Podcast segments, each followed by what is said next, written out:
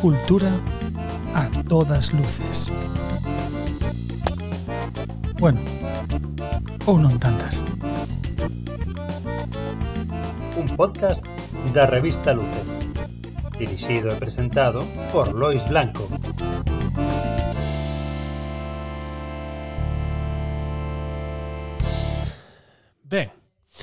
Comezamos unha temporada nova bastante especial na que van a vir moitas historias.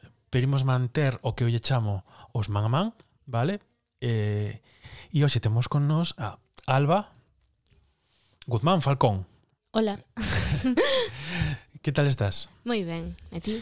Eu pensaba, bueno, é unha tontería, pero así, así para empezar, está fantástico que tes nome como de de castellana, de sí. soa un pouco sabes, As alguén de, profes dicíamos ¿no? sempre que tiña así un nome como moi moi de fora, moi castelán. De señorío, sabes, sí. de decir de sí. de Toledo. Si sí, sí. no, vengo de Toledo. Guzmán de Alfarache, son así. Claro.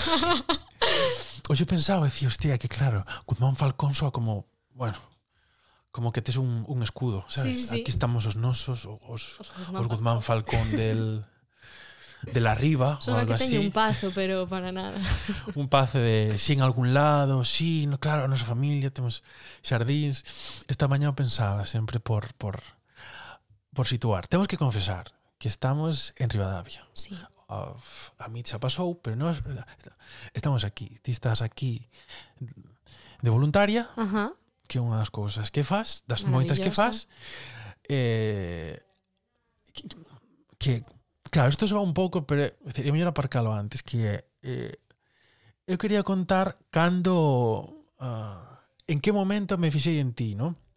Na, nas redes e foi en concreto vamos a vamos a, a confesar hai a saber. hai un chico que non sei se si, si colega teu coñecido e tal que o vin e o que e o que poñía é joder Alba deixa de gañar premios non sei que que ah, os ganas todos Javier Fraiz, un e, tweet eso e eu dixen ¿Quién es esta tía? Vamos a ver. ¿Dónde, ¿Dónde, sale? Y ahí empecé a, a, a investigar, llamó mi atención y uh -huh. dicen, no por los premios en sí, sino por y esto, y esto porque eh, ese contexto de, de, de, tal. Claro, que último é o do Xuventude Crea, pero hai máis cousas de antes. Sí, bueno, xa houve algún dentro de Xuventude Crea tamén. Claro, por eso. miña coña. O máis importante foi Xuventude Crea porque tamén foi o que deu pé pois a obra, non? Pero Eu, durante o meu proceso de últimos anos da ESO de bachillerato, gustaba moito de escribir e de facer relatos e, e presentábos a, a premios, tamén por, coa axuda dos meus profes que me ian indicando, oi Alba, que... Esto, claro. Que hai os Minerva, que hai os tal, e, e, e foi aí onde, onde empezou todo. Digamos. Os Minerva, os Peleteiro. Os Minerva dos Peleteiro. Peleteiro. Nos perdíamos Somos... contra eles. Sí. sí.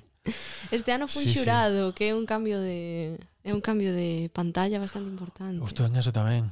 Mm, Ostras, sí. están aí, claro, porque estamos aquí na sede da MIT, que por uh -huh. certo, falando falando de sede, non nos servimos nada, pero bueno, como estamos os dous, podemos facelo cando queiras.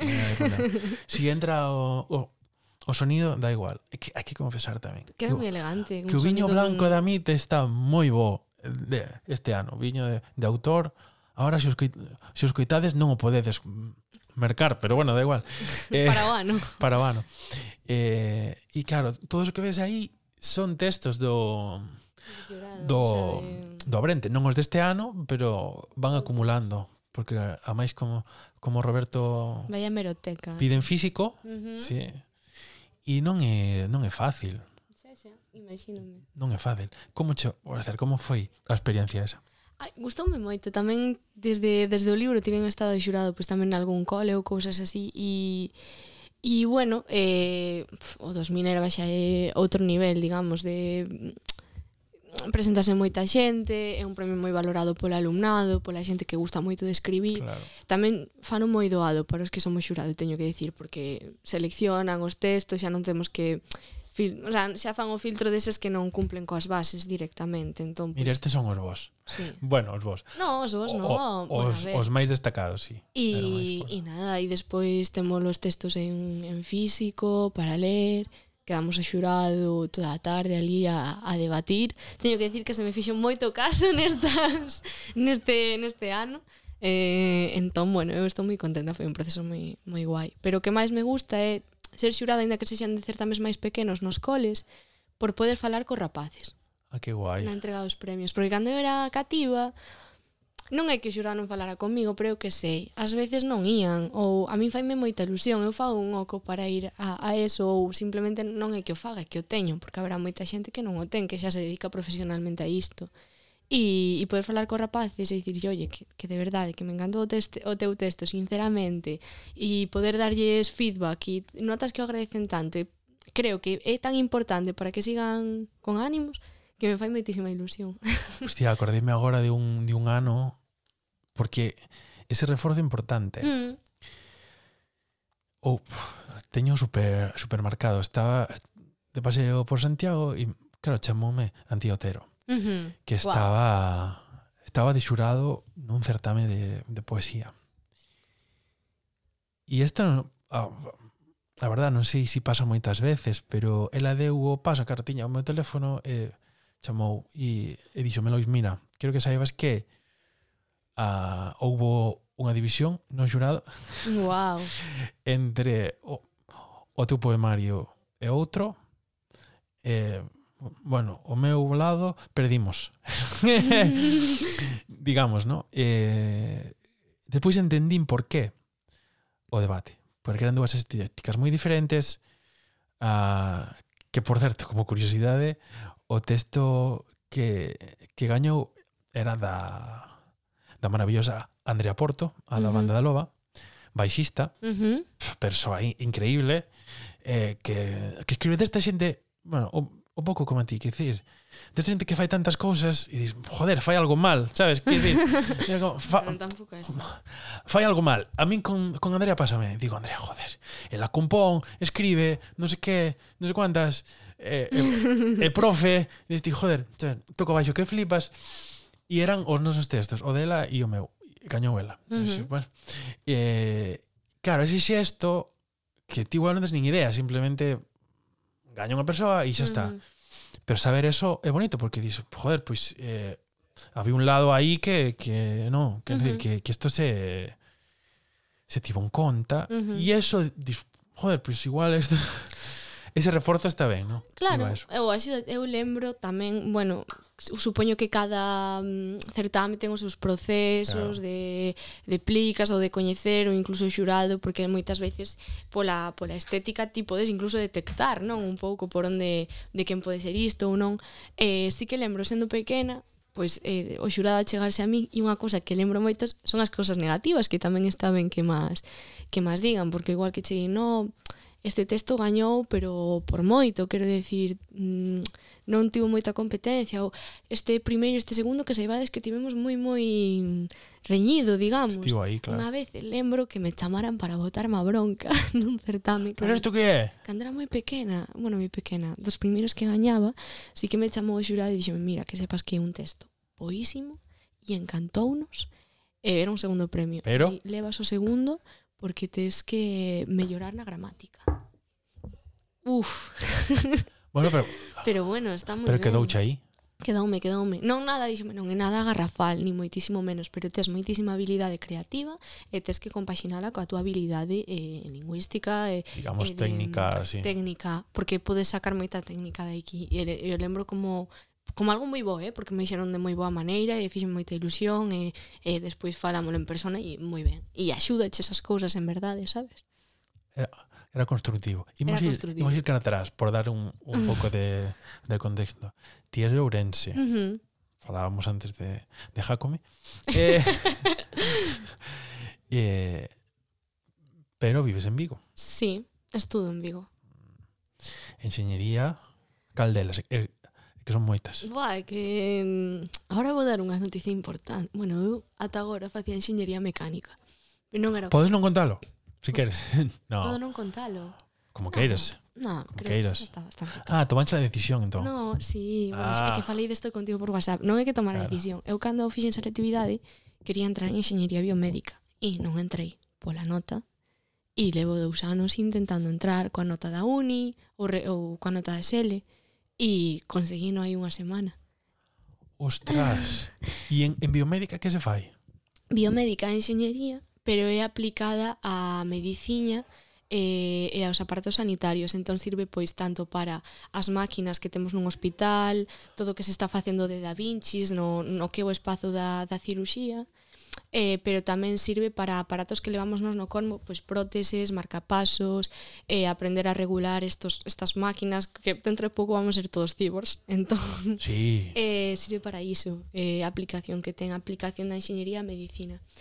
Igual faz uh, ah, hai un capítulo de Black Mirror uh -huh. desde, desde a temporada última que son dous astronautas que están eh, están arriba, non sei onde, en algún uh -huh. lado e na Terra coas súas familias teñen un cibor entonces eles o que fan é dende arriba se conectan mentalmente e conectan co co seu clon. Igual igual algún día, mira. Eh, nunca digas nunca. igual, sabes? Todo o que se fai no fin estou plenamente convencida de que xa, está, xa se estaba a facer en algún sitio.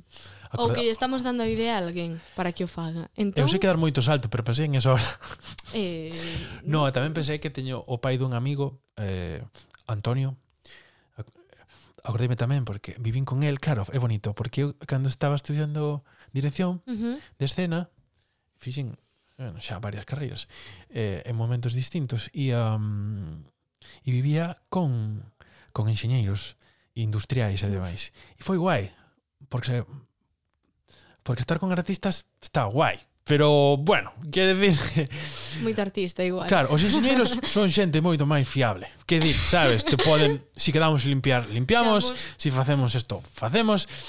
Entón, cando estaba en Vigo, como a ti, eh, aí emigrado, vivía con eles. Entón, uh -huh. Estaba conectando. E, e Antonio, o seu pai, traballaba en eso, en, en nunha empresa que, que levaba máquinas médicas. Uh -huh.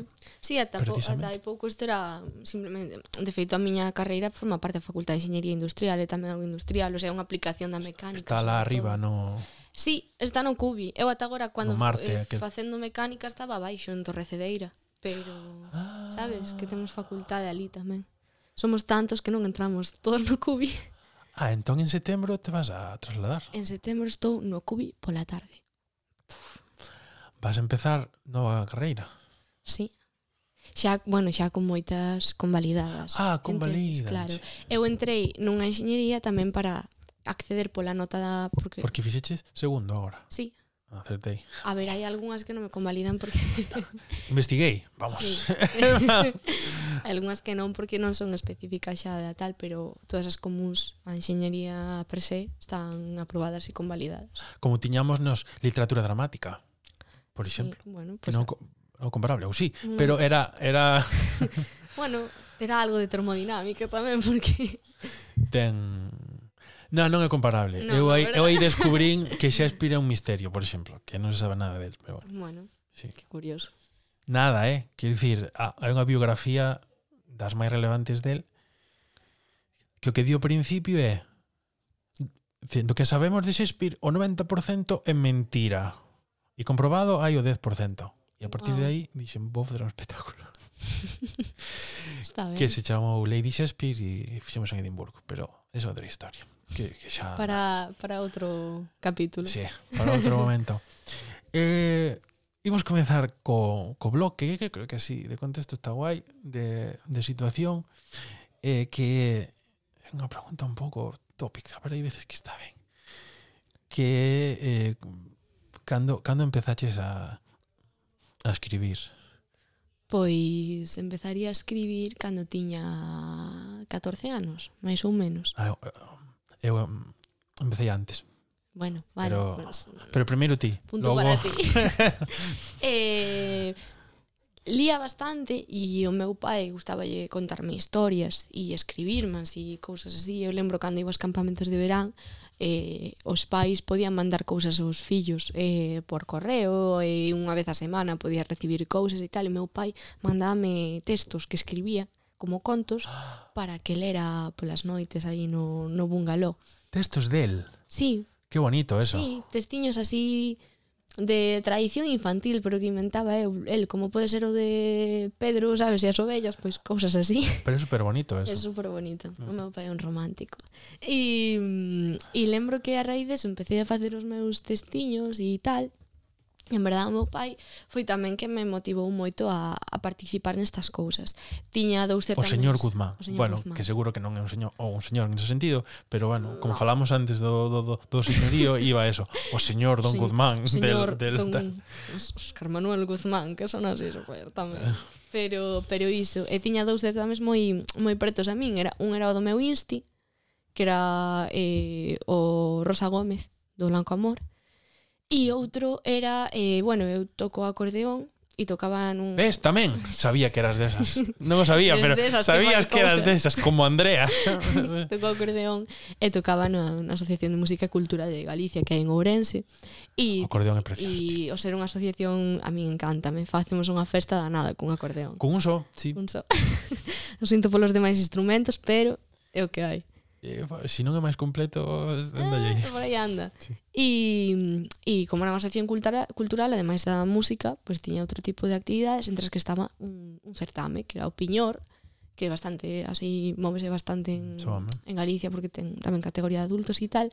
E no Piñor eh, perdera, pero naquela só había eh, categoría de adultos, eu tiña 14 anos e quedara de sexta. Entón fixérame toda a ilusión do mundo, porque máis despois investigabas que estaban por diante e eran señores con sus libros. Ahí, con su y, intelectualidad. Y su, su, intelectualidad, toda. La intelectualidad. Y dixen, joder, pues nin tan mal, super contenta. E despois veo a Rosa Gómez e tamén, e, e a raíz deso, quero dicir, non, non era o tema de gañar, era o tema dunha motivación, non? De facelo por algo, igual que os que entrenan o fútbol, gustalles ir xogar o partido fin de semana, non? Pois a min gustábame que os meus textos chegaran a algún sitio.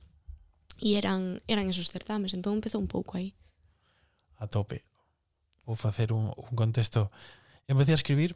Uh -huh. mm, eu, eu creo que tiña nove anos ou así. Wow. Mais ou menos. Que pequeno. Sí. Por necesidade. Uh -huh. Ab absoluta. E me acordo que o, o primeiro conto que escribín editámolo. Pero como, como por necesidade? Tiño ese, ese recordo. Creo que eran uns un tempo en, en casa emocionalmente convulso y estaba todo bastante tenso, bah, por circunstancias, igual uh -huh. nada super grave, a verdade, bueno, eh, no, sí, non, pero... non, non é nada que me levara ao psicólogo. Pero sí que necesitaba liberarme e un, e un verán empecé a escribir e me acordo que auto autoeditamos autoeditamos ese conto con un dibuixo meu do, do Paint. Bueno. Dunha, Genial. Ah, do Paint Fantástico. De, do Windows 90, non sei, o Windows, un Windows de fai tempo.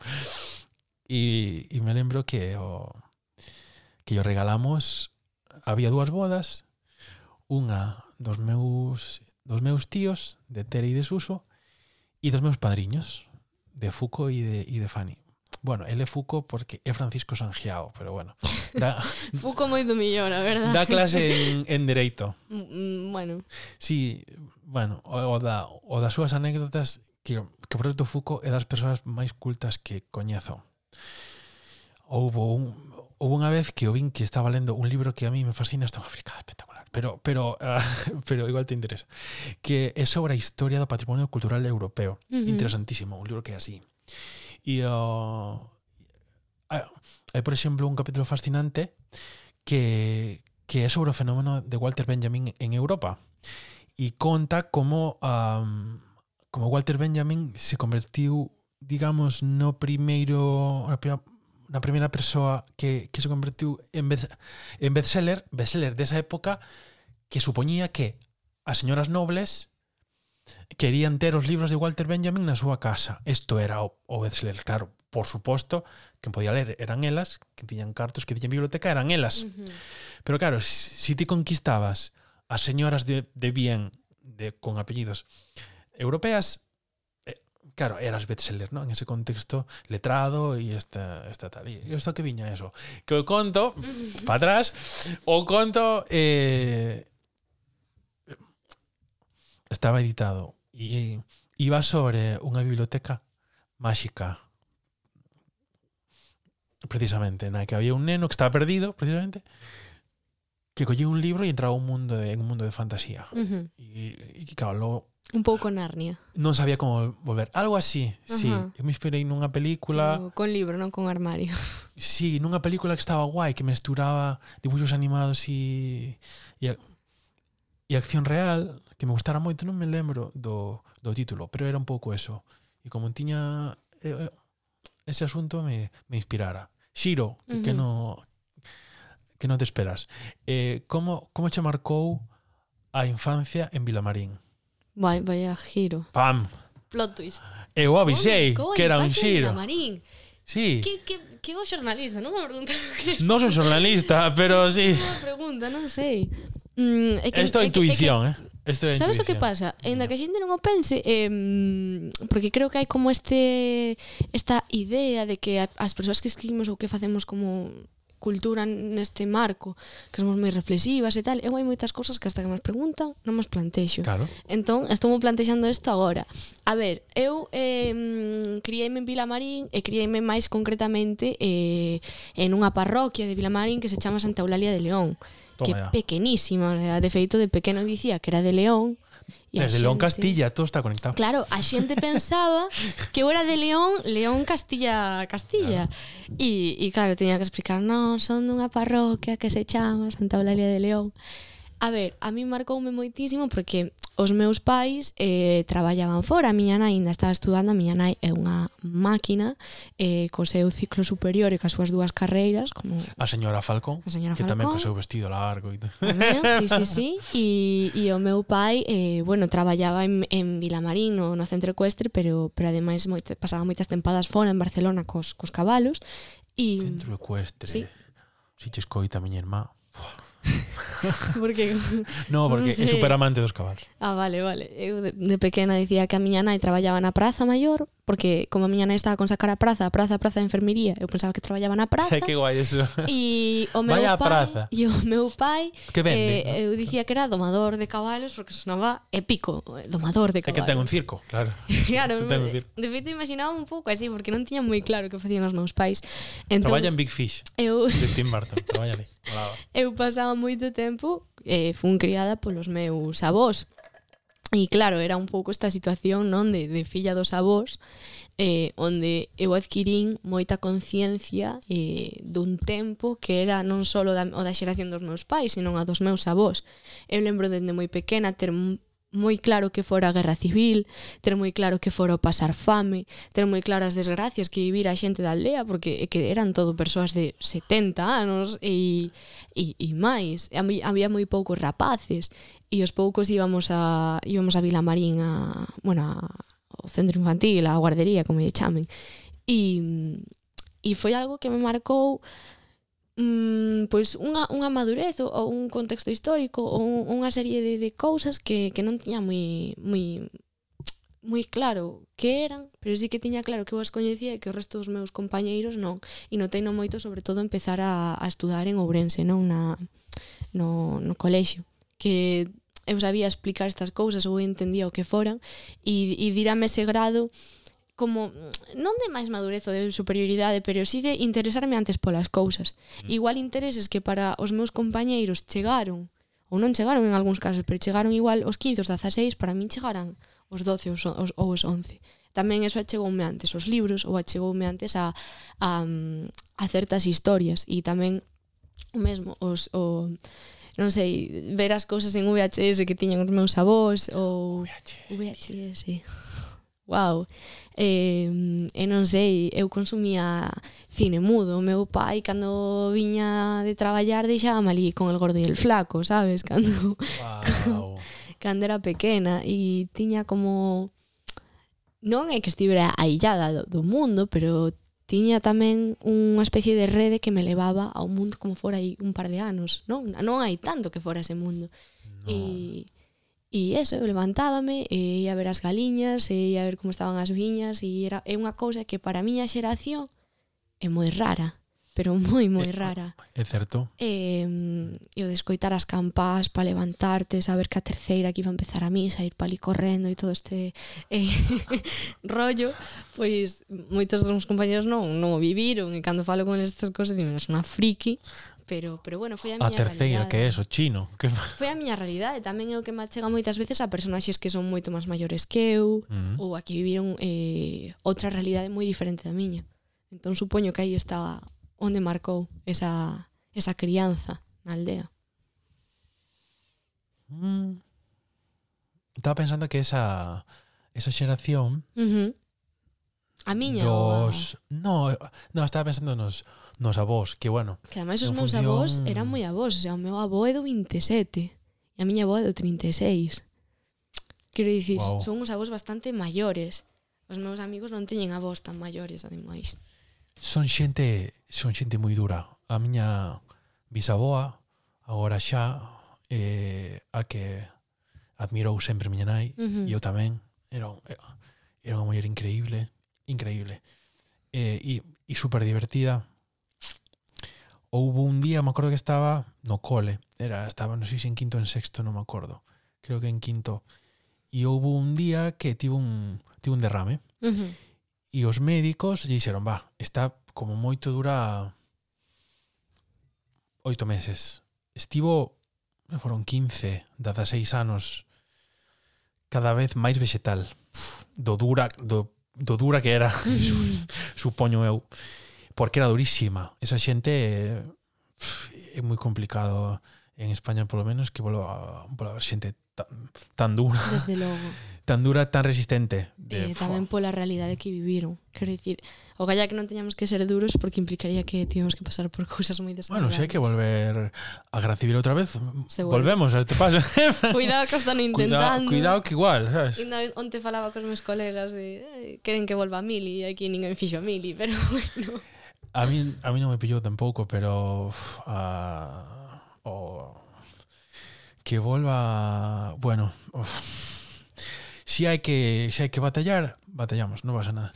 Eu estou máis en esas, estou cada vez máis combativo. Ah, falando de eso, hai unha hai unha pregunta, estou eu de de, de Shirososhi, creo que Non pasa nada, no que uh, falando de combativo, hai lin por aí que que tes no que escribes unha vea activista. Uh -huh. a, mí, a mí me interesa como, como trasladas eso.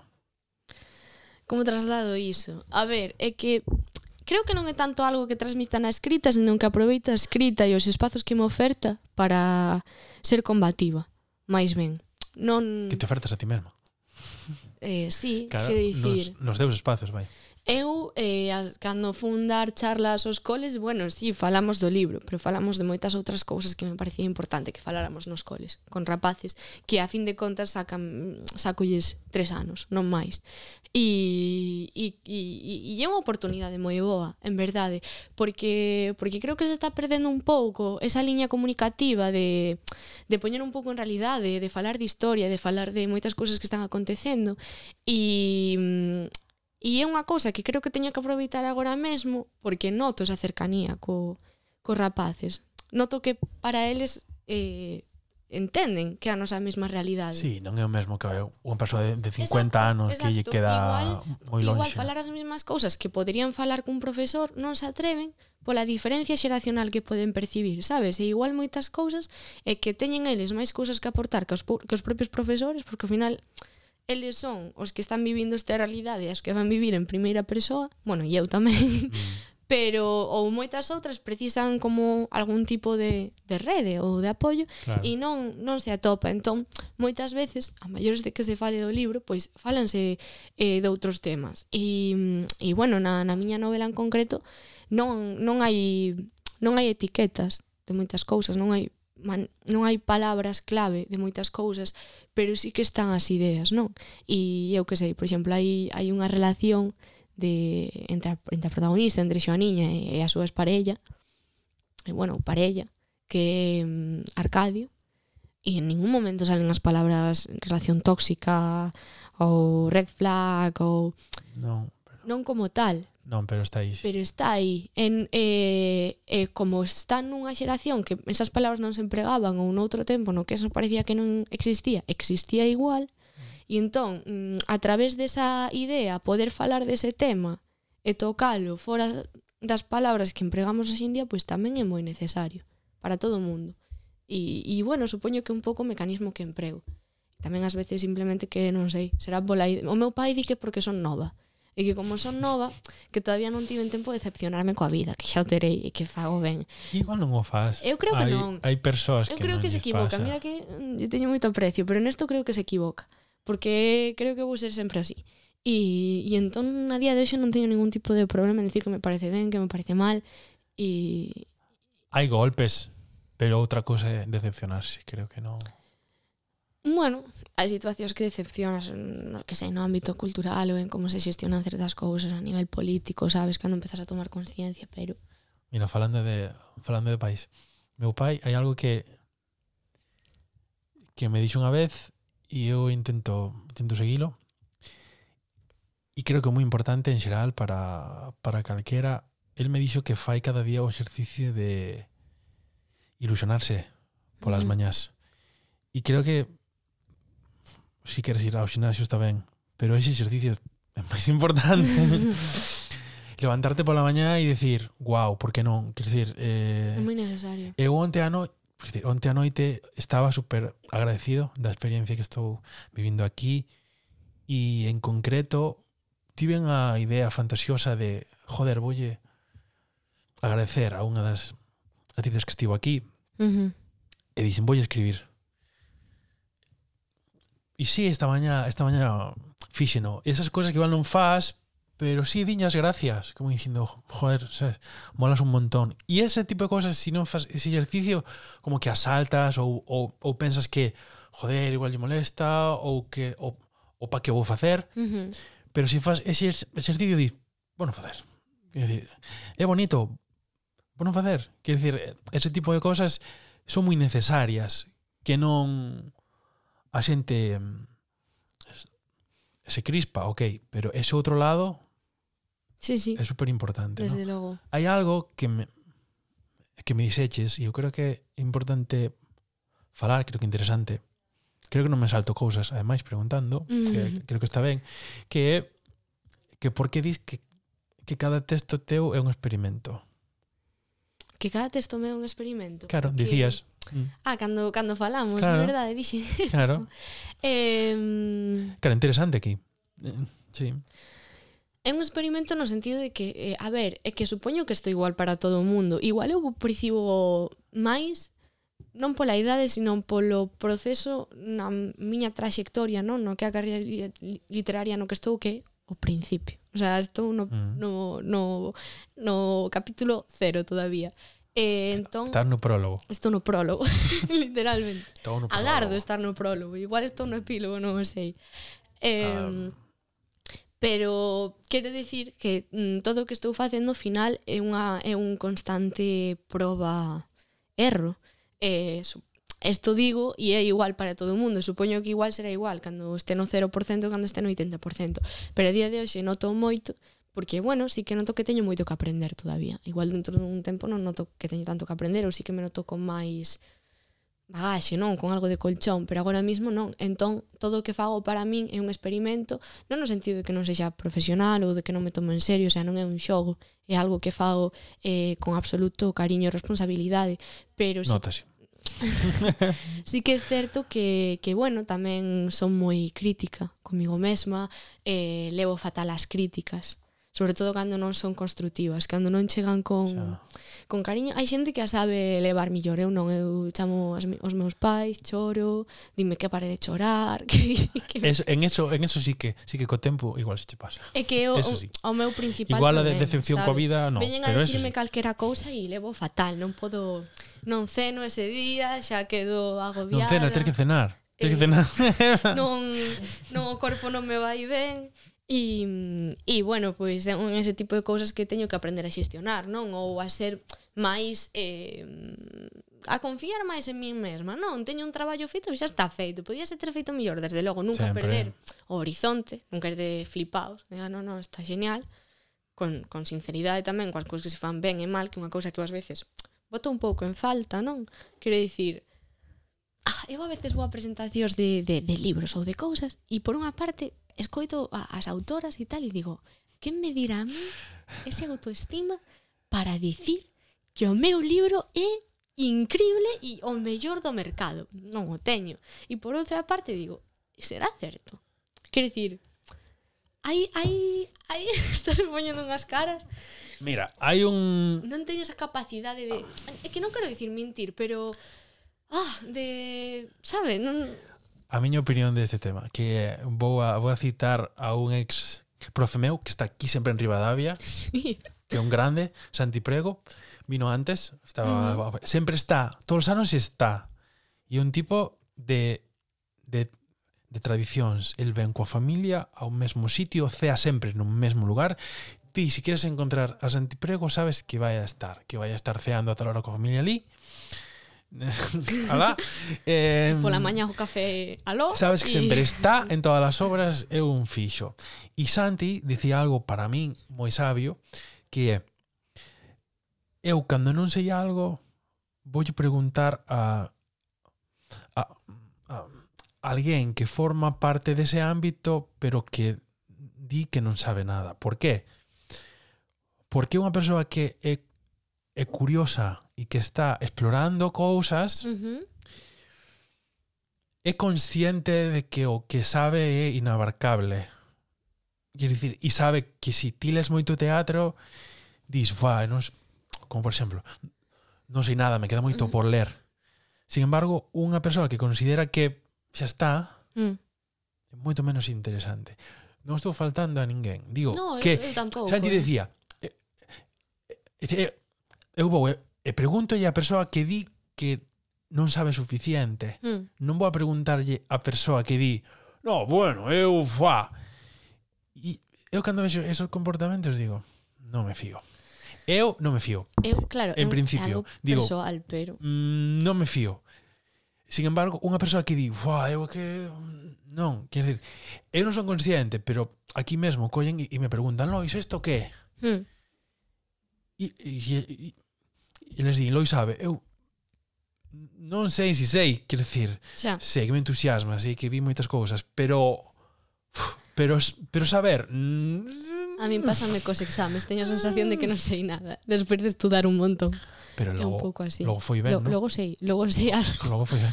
Pero sí, é un pouco que tamén ás veces igual é simplemente porque ti te tes que centrar nas cousas boas que tes pero eu creo que nunca vou ser capaz de falar do meu libro sin falar das limitacións do meu libro. Inda que sexo mm. o peor marketing do mundo. Pero, sabes? Igual a psicología inversa fai algo, pero pero non sei, é como como, non é non é falsa modestia, a xente igual Xa. pensa que é unha especie de falsa, non, é que sinceramente non estou conforme ao 100%, espero non estalo nunca, non? Sí. E home, tampouco é necesario que vaya a presentar un libro contando, non, mira, isto está fatal, pero eh, sí que é certo que, que, que, bueno, que se me preguntan, sei cales foron as carencias para min e cales son as cousas que podería mellorar, digamos. Hai algo, acabo de, de acordarme máis falando de luces de unha persoa que, joder, que pasou pola miña vida pouco tempo, pero era unha persoa maravillosa que, que, que empecé a falar con él porque coincidiu que eu fixen unha curta que se chamaba Falame do silencio uh -huh logo deciden bueno, non seguir polo camiño audiovisual porque o teatro para min era máis importante, pero bueno. E el, Pablo Orosa, uh -huh. que morreu fai varios anos, eh, el sí era xornalista, non como a min, eh, eh, e era un tipo tremendamente curioso, recordo falar, el o que facía era se iba a países polo mundo e, e facía crónicas para EFE e non sei que. Ah, hai un libro de luces maravilloso que se chama Fálame dos silenciados, que son os seus artigos polo mundo.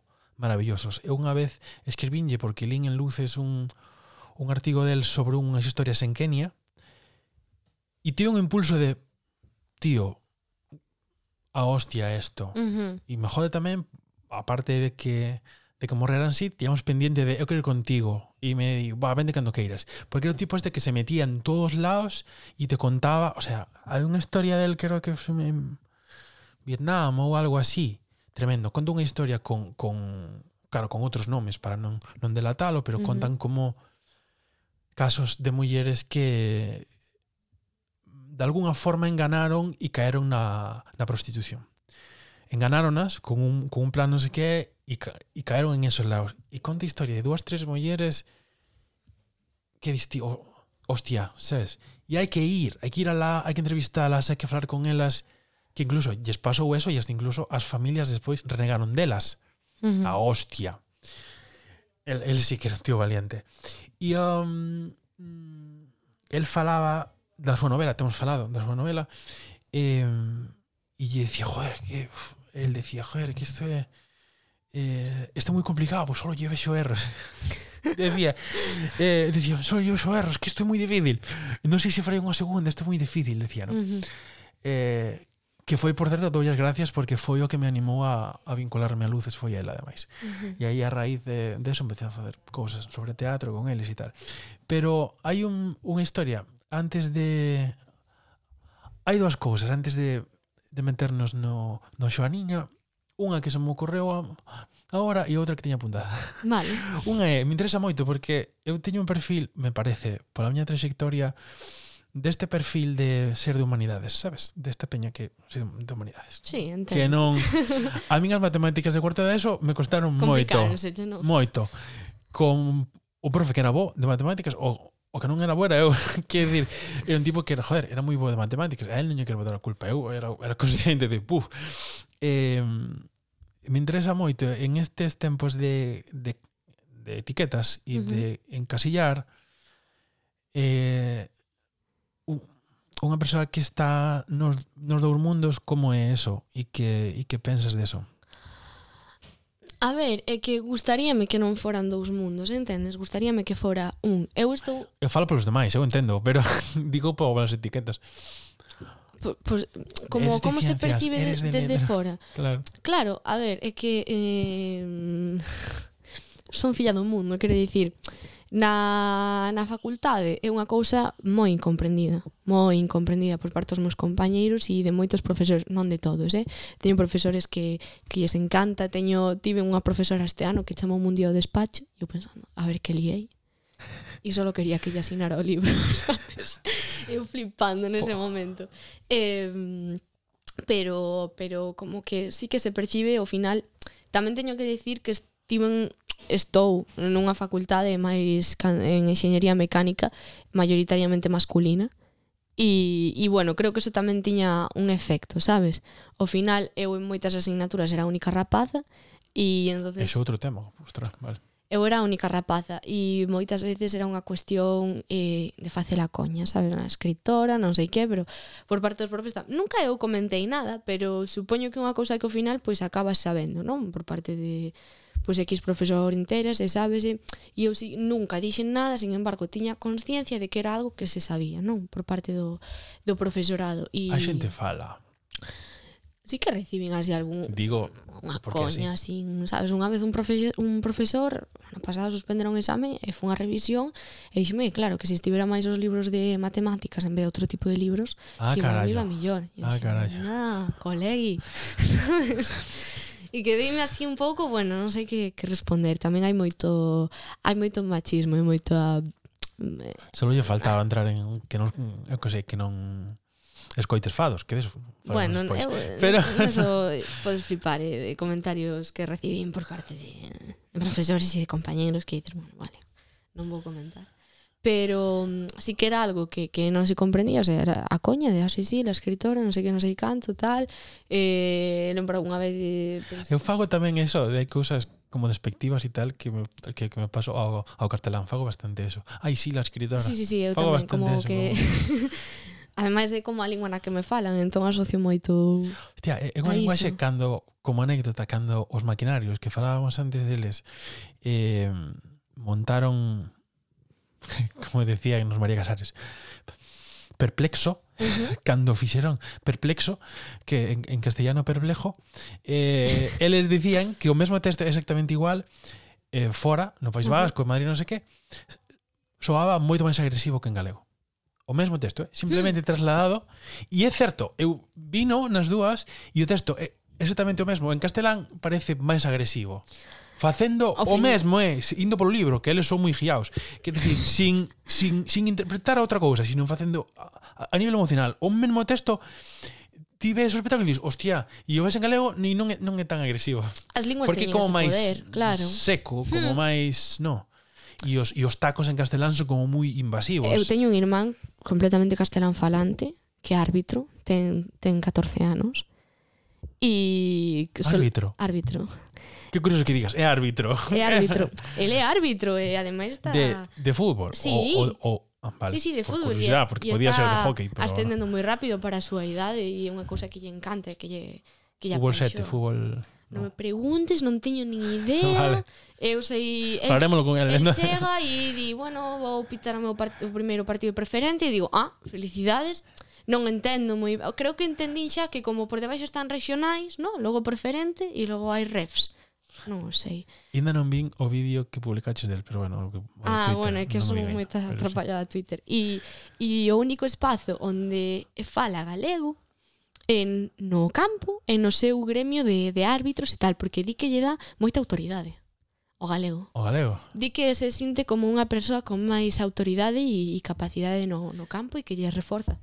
É bonito eso, eh, eh, é dicir, faime feliz e digo, que o galego non sexa un lugar tío, de débiles. Moi eh. ben, pero podes empregalo todo o día, quero dicir, ca Porque podías ao revés, chulito eh? que ter de ter o todo o día, podías. É moito mellor iso que ao revés. A que, ver, que sería, sí. no, eu falo sempre en galego e de repente falo en castelán porque é máis autoritario. Sí, eso sería máis tópico. Fai no revés. Fai no ah. revés. ¿Eh? E digo, e por qué? E dime, creo que porque mamá sempre falaba en castelán, pero nos rifaban galego. Ah, eso ten sentido. Ten eso, eh, sentido. Eso ten sentido. Porque o meu pai é galego falante, a miña nai era castelán falante, tamén porque na casa tiñamos moitas linguas e, e o meu avó encontraba algo de alemán e fixe algo de alemán e sempre tive moito interese polos idiomas e era unha maneira de, de, de cantivos manter as diferentes linguas e a miña nai falaban castelán, pero despois, como nos momentos tensos da vida, falábanos en galego e rifaba, e o meu irmão quedoulle ese, ese trauma, entre comillas. Sí. E... Bueno, se o leva ben, e a máis no, no, autoconsciente, polo que digo. Sí, sí, sí, quero dicir, Non, ademais non, non é que foran broncas graves ni moitísimo menos, pero sí que No, mítico das nais. Para dicirnos sí. David baixa a comer, era David baixa a comer, sabes, non era David baja a comer. Entón o rapaz Quero vais a comer. Quedoulle iso. Eh, non sei xa de que viña todo isto, que paramos para falar da lingua e Nada, estamos... mira, salto. Vale. Eu, é algo co, co que veño, veño tamén con eso que era oh, a última pregunta que, bueno, antes do, do bloque Xoaniña, que todo ben, uh -huh. todo ben despois, que é síndrome da impostora por qué? Heavy. así a cámara lenta non sei por qué.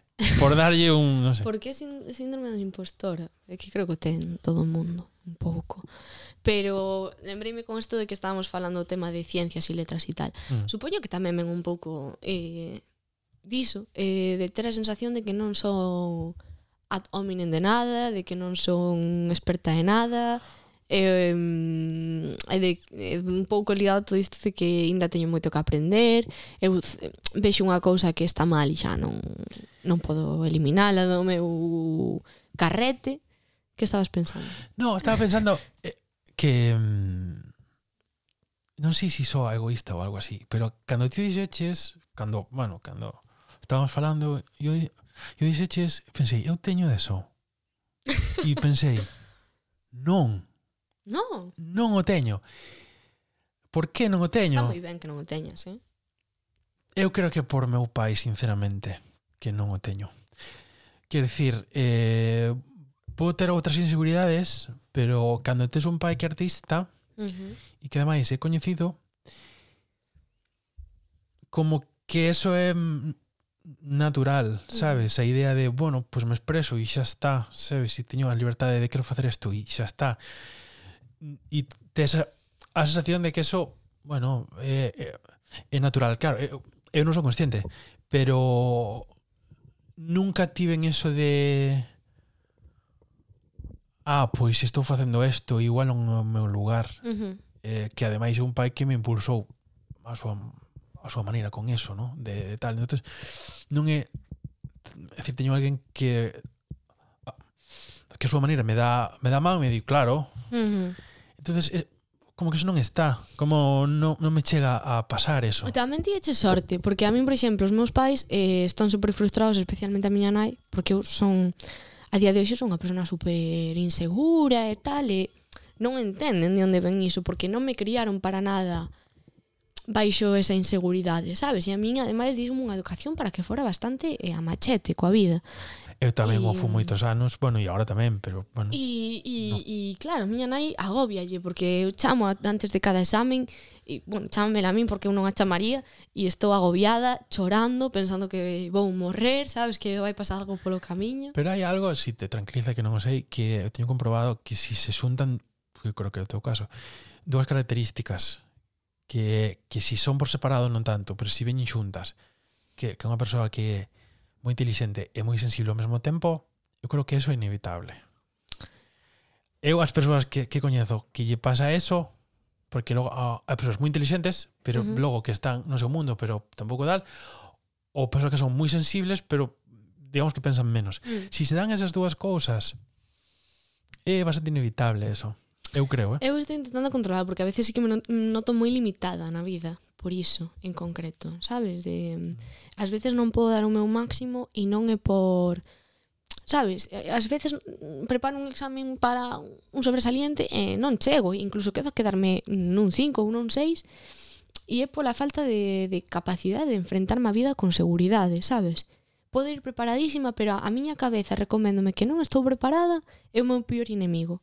Entón, algo contra o que teño que loitar. Teño que decir que eu creo que tamén, a parte das miñas eh, limitacións persoais, ven un pouco marcado porque sí que tiven un bachillerato bastante eh, complicado, un segundo bach moi conflictivo, con moitos problemas relacionais con, con compañeiros, eh, bastante frustrante, eh, con profesores que mm, tamén fixeron a vida un pouco difícil, porque sí que é certo que un, no insti pasei un pouco mal porque sí que tiña moitos compañeros e moitos profes que non entendían o meu xeito de ser.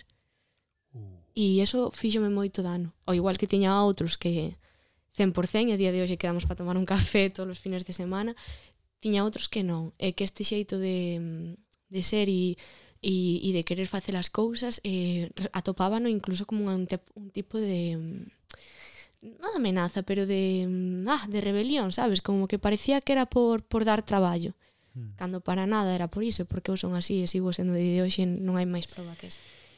Igual estou supoñendo moito, pero eu tamén me teño encontrado con barreiras de xente e sinceramente mm, eu creo que hai veces que por por medos dos outros. É dicir, me ten pasado de ir, de ir pola vida como moi aberto e moi libre e tal, e hai xente que eso non leva ben, eh? No é jodido, pero non o levan ben. No. Quero dicir, eh, e é importante mm, claro, en un principio te cabreas, non sei que, quero dicir, por exemplo, agora me, me acordaba de certo lío que tivendo co, co director da da mm, da ESAD uh -huh. de Galicia, pero claro, hai cousas que eu non podo evitar non, non cabrearme, quero dicir, uh -huh. acordome un día en, en clase que foi moi divertido dende fora porque el nos daba unha teoría teatral, non sei que. E, e un día que se lle deu por... Claro, que dixo unha barbaridade para mental que eu cando dixo que fixen literale levantarme e sair da clase. Porque dixo, estaba estaba comparando, dixo, bueno, claro, porque um, Shakespeare na súa época era como agora Sánchez de Aragó. Digo, dixen, estamos na Escola Superior de Arte Dramático. Bueno, non o dixen, directamente que non dixo eso, que cando vin que a comparación era en serio... Cojo mis cosas e me voy. E levanteime, esa, no, deixei as cosas en clase. Fun, ao, fun hasta o baño, caíme en todo, fun afora, uh -huh. respirei, seguín cagándome en todo. Un, dos, tres. E logo volvín a clase. Porque porque pensei, a, a máis eu contestei e dixen, no, Manuel, no. Mm. Por aí no. Digo, sí, sí, sí, por que? Por que non sei que? Porque, porque estaba a favor da monarquía. Como? O, o gallas tiver isto grabado para que a xente vira Como? a tua cara. Hai cousas que me cabrean e esta é unha delas. Boume. Xa. Pum, portazo. Claro, eu tampouco entendía, había máis xente en clase e eu entendía como ser o mm. único indignado era eu. Quero dicir, eh, que ademais este tipo de cabreos logo me, me pasou factura. Pero bueno, mm. ese outro, ese outro contexto. Eu creo que un bom momento para entrar nun lugar que me apetece un montón, que é eh, bueno, facemos un aviso agora mm. a, as, as persoas que estén escoitando isto, vale? A partir de agora imos falar de Soniña de Deus, a novela de Alba. Eh, se a queredes ler sen spoilers, Ah, aquí está moi ben, levamos 55 minutos de podcast, cortades, moi bien. Moitas grazas por escoitarnos. To, to, todo correcto, hasta aquí, outro día, non sei que, sin problema ningún. A partir de aquí vai ser a novela. Uh -huh. eh, entón, estades Sen filtro, además. Avisadas, avisados, sí. Imos falar de todo, tamén do final, do medio, do principio, de, de moitas cousas. Entón, um, é un momento Imos deixar bah, 20 segundos.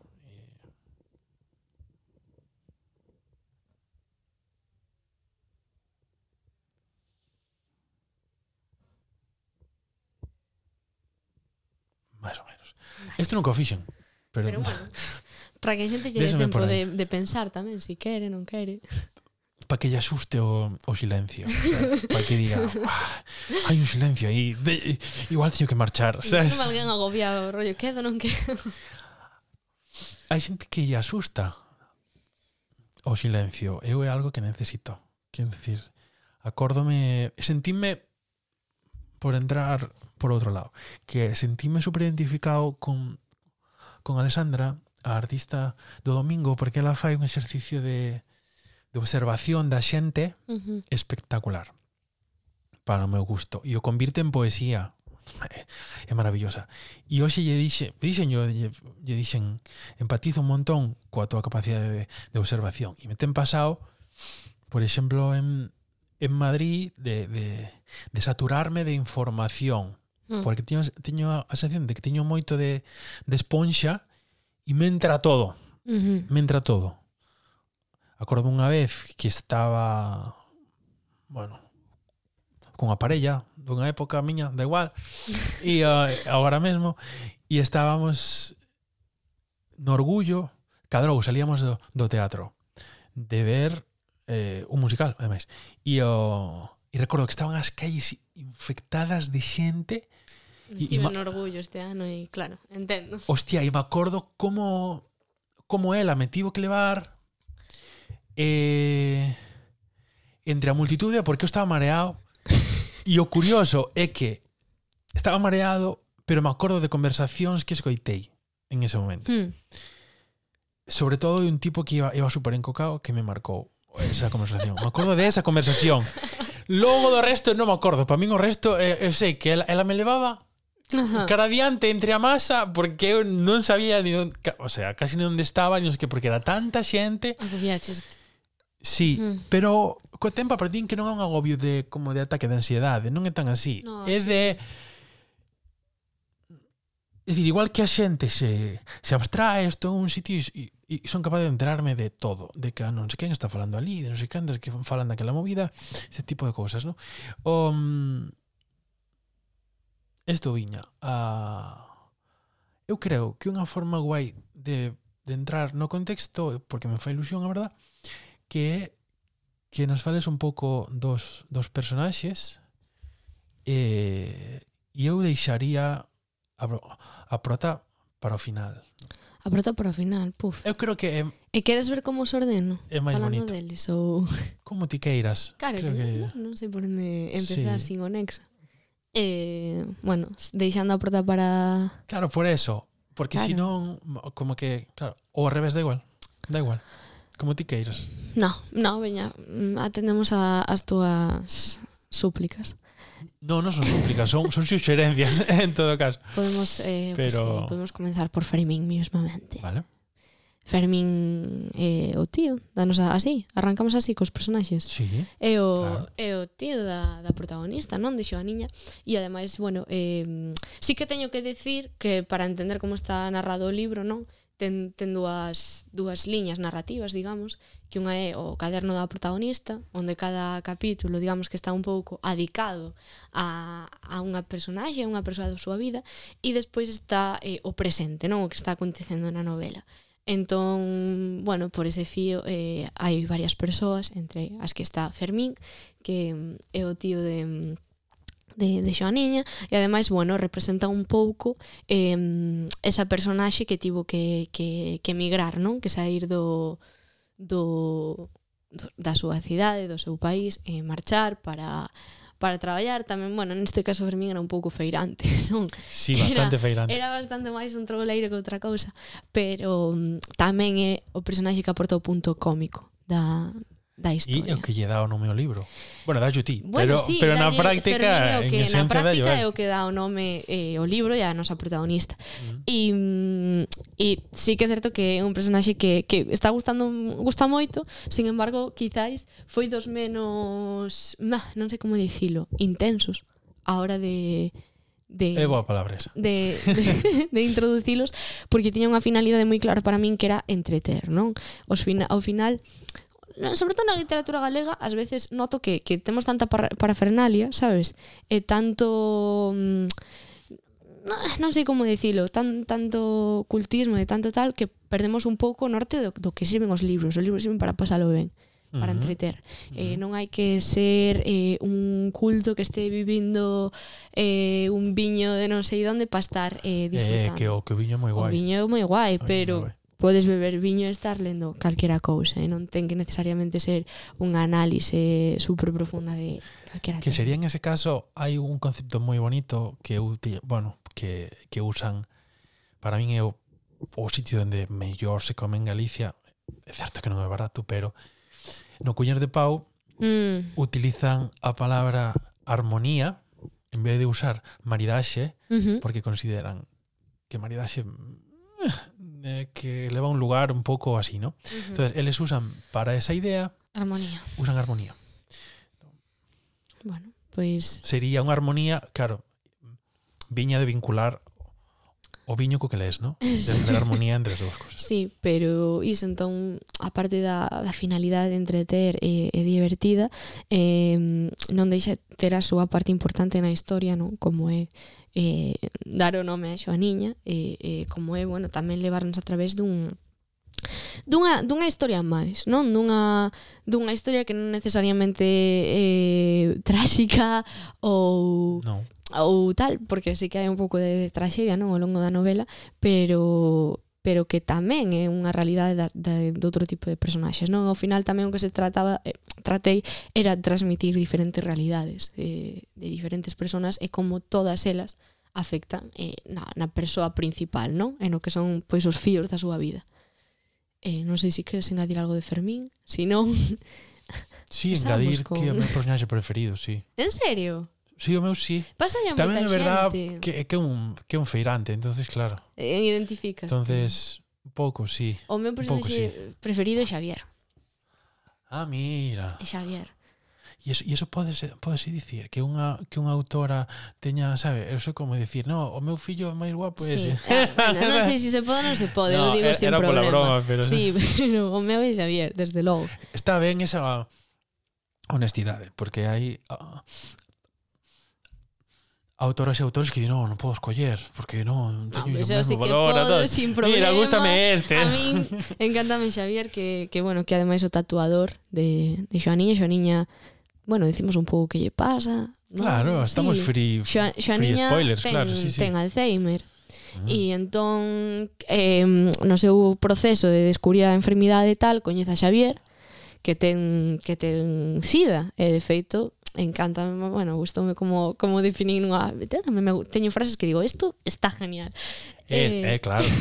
que, que non é todo síndrome da que, da impostora, que, que tamén hai bueno, cosas, que, claro. que a Xavier dironlle unha sentenza de morte cosida, e a Xoaniña Cadena perpetua co, co Alzheimer. No? Esta é a esta é a definición de como se coñecen a través de aquí entra, en, hai unha relación de amizade que ao final é a relación máis bonita e máis romántica que hai no, uh -huh. no libro, sin que sexa nada romántico, quero decir, sin que teña unha parte de amor sentimental noutro eido, digamos, e E teño que pensar, decir, teño que admitir que debo ser eu un romántico que pensei que chegaría a pasar. Eh, mira, vouche contar algo super curioso. Dixen estes follan. En todos pero los, al final no, al final en no. todos los eh, clubes de lectura. E tan pensei, ela, ela, ela igual lle viña ben. Despois do outro tipo, Xuro, pensei, mira, ah, mira, mira. xa que conectan e todo, xa, dixe que... Todo, to, esto moi curioso, porque toda, toda, um, toda a xente adulta, digamos, que coñecín a través do libro e que falamos do libro, pensaron isto, non? Como mm. que iba a ser unha especie de salvación romántica da relación eh, da, Mm, fracasada que tivera eh, Xoaniña ca súa sí. parella.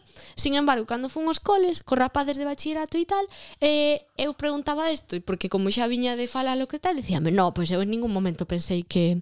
Claro. Como que é unha cousa que digo, non sei se é xeracional, pero non, non vinculan... Igual si sí é xeracional. Non vinculan esa amizade tan necesaria con que teña que ocurrir algo necesariamente romántico. Parece moi maravilloso. E é, hai... Claro, a min pasou, me escribí. Claro, hai algo que... Mmm que se me saltou agora, que non sei se é así, que é ela aprende con el a disfrutar das cousas. Claro, eu eu coño. Bien. Sí. Vamos. Sí. Non é tanto, a ver, E Xoaniña, digamos que tamén un pouco a liña temática que eu negueime a aceptar ata que sucumbín os desexos do lector, eh, a liña... ah, ves, aí está a liña activista. Negueime... Vou ser rebelde, basta que, bueno, igual... bueno, eu negueime a dicir que era unha novela de amor, non? O que pasa que a xente como que ao final ten... Bueno, digo isto da xente a como no super parece, despectivo, pero... pero como que sí que hai un pouco a necesidade de vincular a obra con algo. Que? Novela negra? Que? Novela tal? Que? Ah. Existe un pouco eso.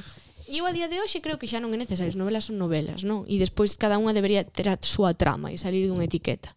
E eu incluso estou super de acordo coa coa etiqueta que lle puxeron na, na casa do libro.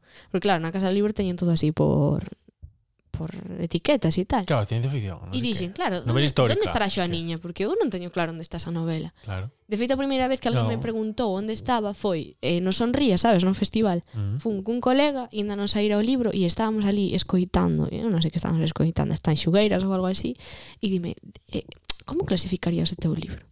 E eu quedeime loca, dixen novela romántica de misterio e aventuras. e yo, eso son bueno, aventuras cosas. Non, non no. ten aventuras. E na, en la casa del libro pon eh, novelas de la vida cotidiana. Bueno. Está ben. Está ben. Está ben, está ben. Está ben. Ben clasificado. Igual cotían máis de outra época, pero sí.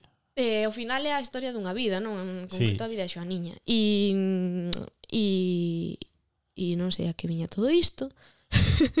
pero a que estamos falando de, de Xavier. A que a que mm, Xavier eh, é unha persoa que aparece na súa vida para que disfrute, sí, bueno, para que entenda que todas as cousas malas que lle pasaron na súa vida que ao final foron un pouco fruto do, do azar e do desastre, pero que non necesariamente ten que ser así sempre. O que pasa é que igual a niña xa o descubre moi tarde, moi tarde, de, nunca é tarde, pero de cara á súa enfermidade, de cara ao momento da vida no que está, non? pero pero sí, ao final é unha relación que nace do, do apoio e que está aí ata que Xavier morre.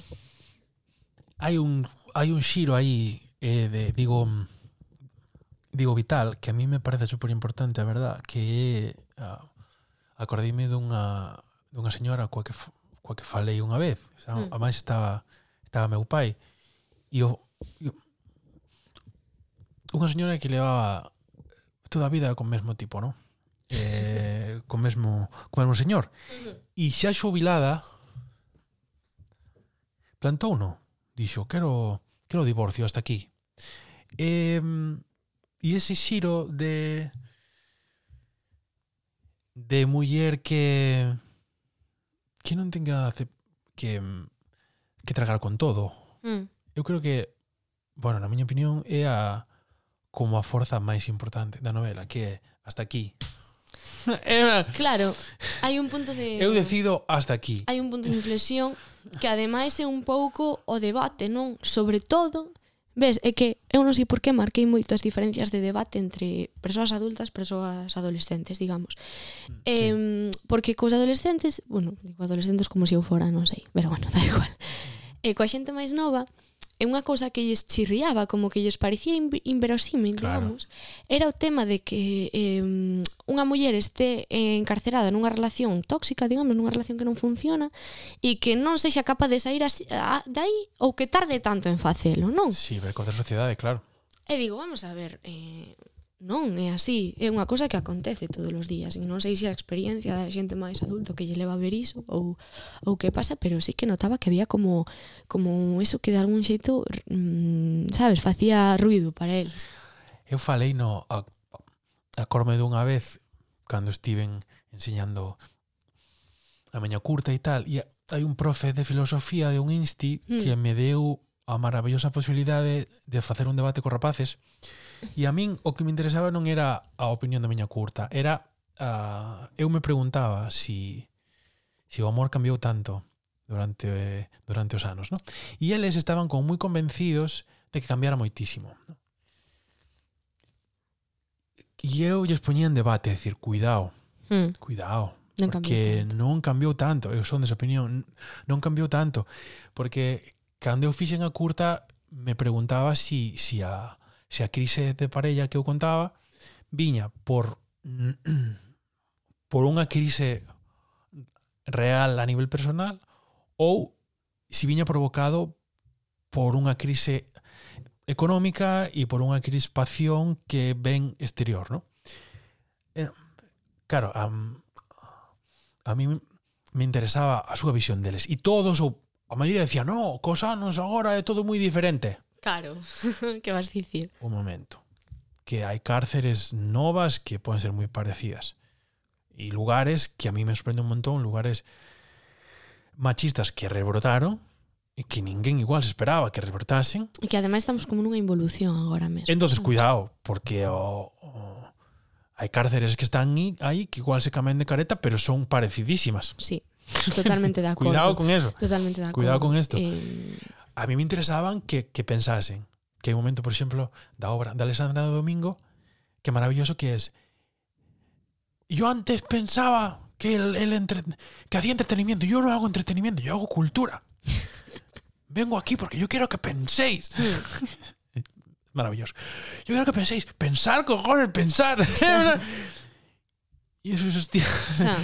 Y en plan, pues iba a eso cos, Hmm. cos adolescentes. lanzabas preguntas para eso, de hmm. seguro, Hmm. cuidado, seguro. Cuidado. A ver, tamén na novela que están os, os, a, os pais de, de Xoaniña, a nai de Xoaniña, mm, meteus en un ciclo igual de vicioso que a súa filla. Non? Cuidado. Tamén está aí un pouco retratado isto na, na miña aldea sempre conto, pero hai cousas que son tan divertidas que vale a pena contalas moitas veces. Había un señor na miña aldea que era un pouco tatexo e mm, Eu tamén. E cando, cando unha vez, non sei, que non lembro de que estábamos falando, pero estábamos falando da vida e tal, e ele intentaba explicarme que a vida, a vida, a albiña, a vida, é che cítrica. Hostia, que bonito. Eu decía, cíclica, señor Ramón. No, cítrica. E él decía, tamén, tamén. Mas non, non quería recoñecer, dicía, o seu tate, xo dicía, eh, bueno, sí, pero cítrica tamén, eh. Entón, que, que dime con eso de, de cíclica e cítrica. É eh, eh, eh, eh, un pouco eh, o que pasa aí, non? Que mm, que, que bueno, que ao final creamos patros de conducta, non é tan diferente o que lles pasou aos nosos pais, aos nosos avós do que nos pode estar pasando a nós, noutros contextos, noutros ambientes, noutras situacións, pero que a base do problema é a mesma, non mudou. Eh, como seres sociais que somos non hai tantos problemas, eh, son moi semellantes. Mm. Cambian a, as vestimentas, pero o corpo é o corpo. Bueno, hasta incluso as, as, hai, eh, hai vestimentas que volven, porque agora, por exemplo, este este bigotito que, que levan certos homes así modernos. Eh, ¿no? Hipsters. O... Hipsters, eso es de antes. Ese bigotito es de antes. No, ahora... eh, de los anos 50 o así, ¿sabes? No, Quiero decir, hasta, y... hasta en ese sentido, hasta nas vestimentas tamén. Eu camiñaba que me Igual quería. os calcetines que van hasta arriba, eso, eso es claro. igual de novo, eh, pero... Un, bueno. Ou os, ou os, ou as tatuaxes, igual sí que son novas, pero bueno. Eu agora vexo máis que antes porque, bueno, cando era pequena, cando era pequena igual a miña boa non se atrevía a contarme cousas que me conta agora, sabes? porque porque era máis pequeno ou que sexa. E agora falamos de cousas, sabes, de que sei, de relacións do, do povo, de, non, pero este hombre era moi malo, este hombre era moi bo. E ten así unhas reflexións moi feministas que non me esperaba da miña boa, non por nada, polo contexto no que foi mm. educada, que agora atreves a dicir, eu non sei se tamén é porque, mira, porque me queda, sabes, o sea, xa está. Eh, pero que, que ahora vexo e digo, jo, é que en verdade os problemas que tiña a miña boa con 20 non son tan diferentes dos que tiña eu eh, eh, Os procesos vitais son os procesos vitais. Entón, non sei, é moi curioso eso. Sí. Hai un... Quero, hai algo curioso que a mí me chama a atención, que igual é unha chorrada, pero non. As, a, falando máis das, das aboas, uh -huh. que son as citas da Biblia que hai na, na novela. Eh, sí, eso teñemos preguntado, que hai moita claro. religiosidade. Non ten por que ser no, religiosidade. É que non é religiosidade. Claro, non feito. me parece eso. Senón é... Eh, claro, como curiosidade é... Si, si liches a Biblia, que isto é unha cousa, e logo é eh, por que era importante para ti que esti, estivera presente que eu xa o intuo, pero é para que o contes. Bueno, a ver, que igual non é o mesmo. Lín a Biblia, teño que dicir que non lín eh, real Biblia, lín unha Biblia, unha versión un pouco adaptada, digamos. Pero non, esa men é curiosidade miña. Eh, non, Nada non, máis. non, no, pero diríache, non. non lín a Biblia. Sí que a lín porque era un libro que me daba moita curiosidade. Claro. E eh, ademais, recomendo a xente, é un exercicio de reflexión brutal, ler a Biblia, mm. fora de moitas cousas. E, e mm, bueno... Os maiores influencers da historia. Son os mellores profesores da historia, lo, verdade? Elo, claro que sí. Eh... Moito máis que Rosalía, onde vai, para. Teño que dicir que, bueno, que está aí un pouco reflexada, un, porque eh, hai esta vinculación da, en concreto da relación que ten xa niña coa súa parella con cunha relación eh, un pouco adoctrinada, non? E, e, e que quixen reflexar aí. O sea, pola intelectualidade, pero bueno. Pola? Intelectualidade, dixeches. Pola, pola superioridade sí. si, moral ou de inteligencia ou do que sexa del cara a ela. E, e bueno, digamos que para min o punto onde marquei foi en que estaba grabado nesa relación eh, que a Arcadio por enriba de todas as cousas e amarás Arcadio como a ti mesma, sabes? como Arcadio está conectado con García Márquez. No.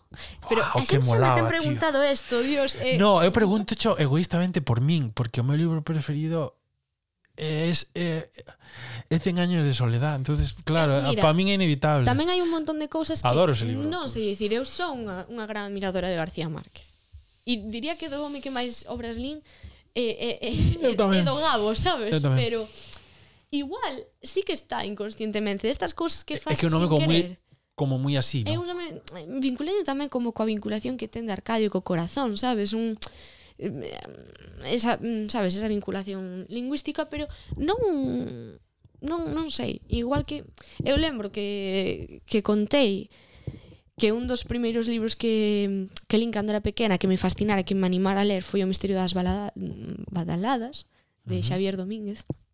E, e era un libro que me parecía fascinante porque en función era un pouco como os primeiros elixa a túa propia aventura e era en galego.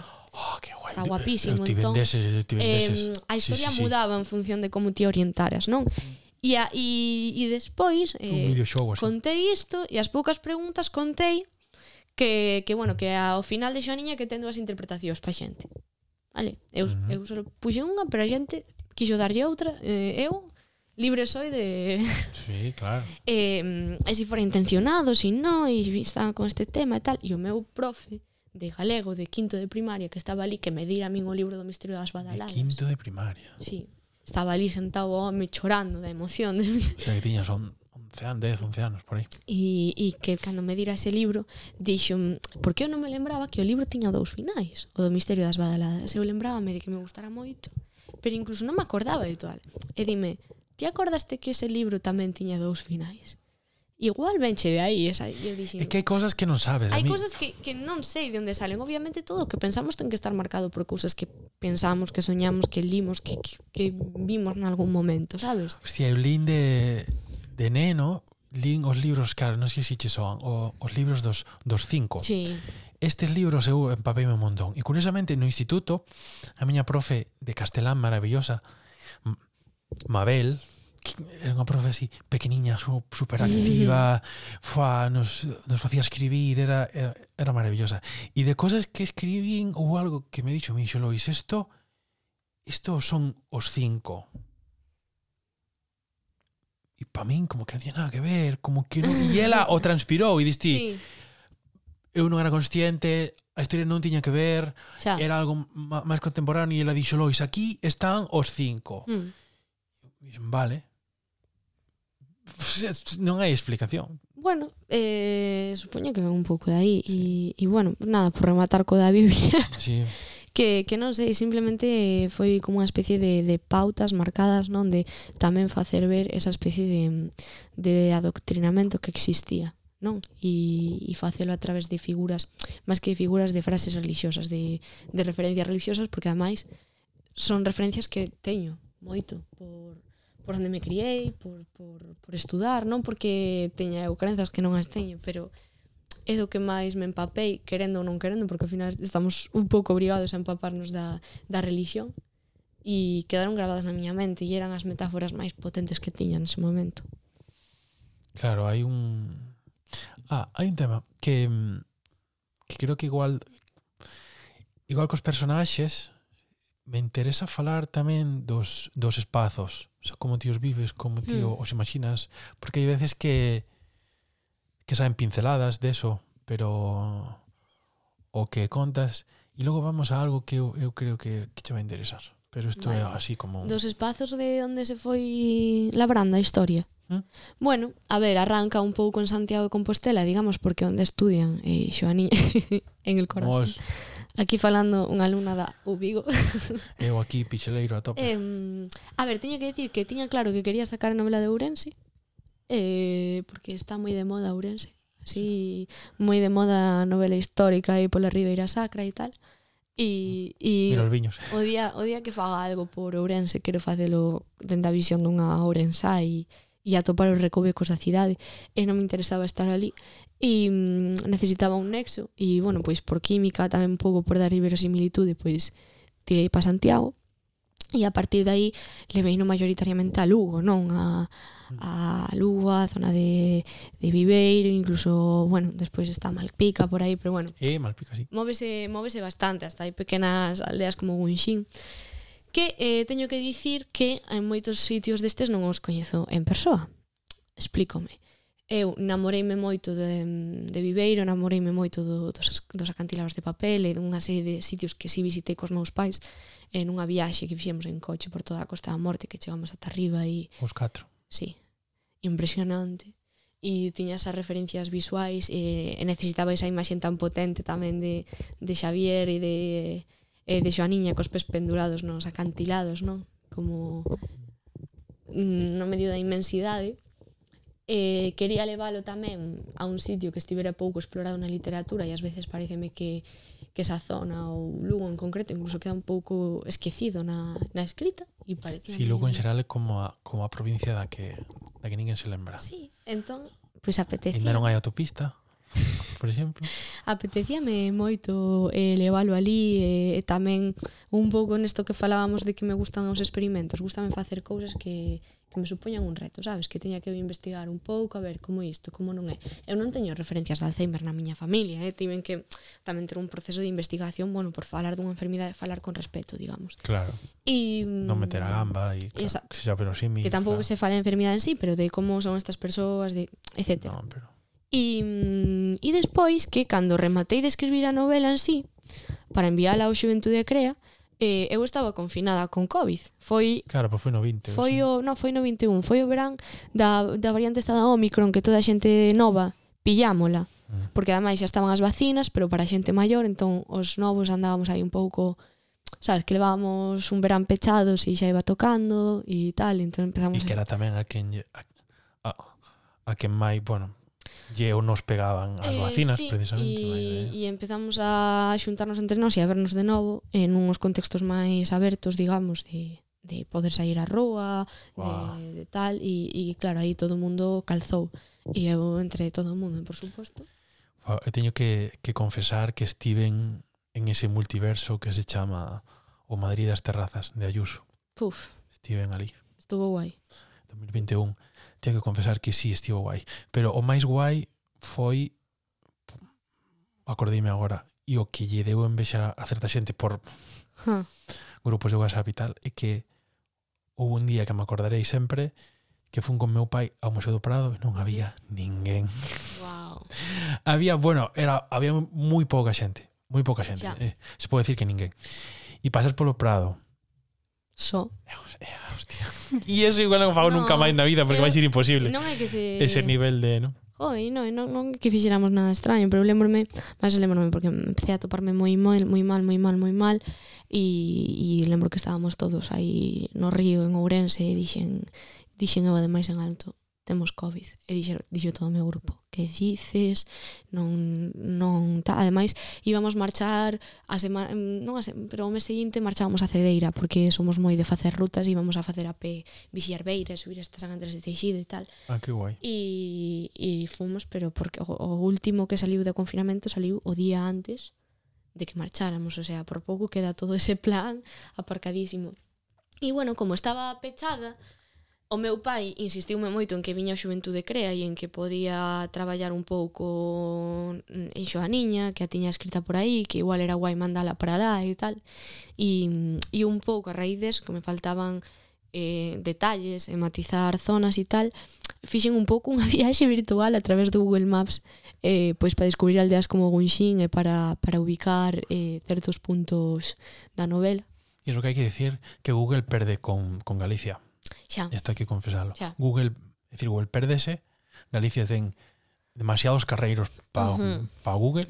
No, pero bueno, xa desde un punto máis mapa que outra cousa. No, eu era pola, pola tontería. Pero... Ah, non é tontería, que totalmente. Polo, sabes? Lembrome cando presentou Antía Yáñez na Coruña que me dixo... Sí que por favor que fixera algún tipo de comentario do, do mal da mala estructura eh, que hai para moverse pola zona de Lugo e norte de Coruña e tal. Porque claro, ela de Burela eh, estaba especialmente sensible co tema. Pero bueno iso, entón foi así un pouco como vi que os espazos. Vale, que anos um... A derradeira cuestión. No, no. teño teño dúas e o peche. Vale. Que son a hai algo que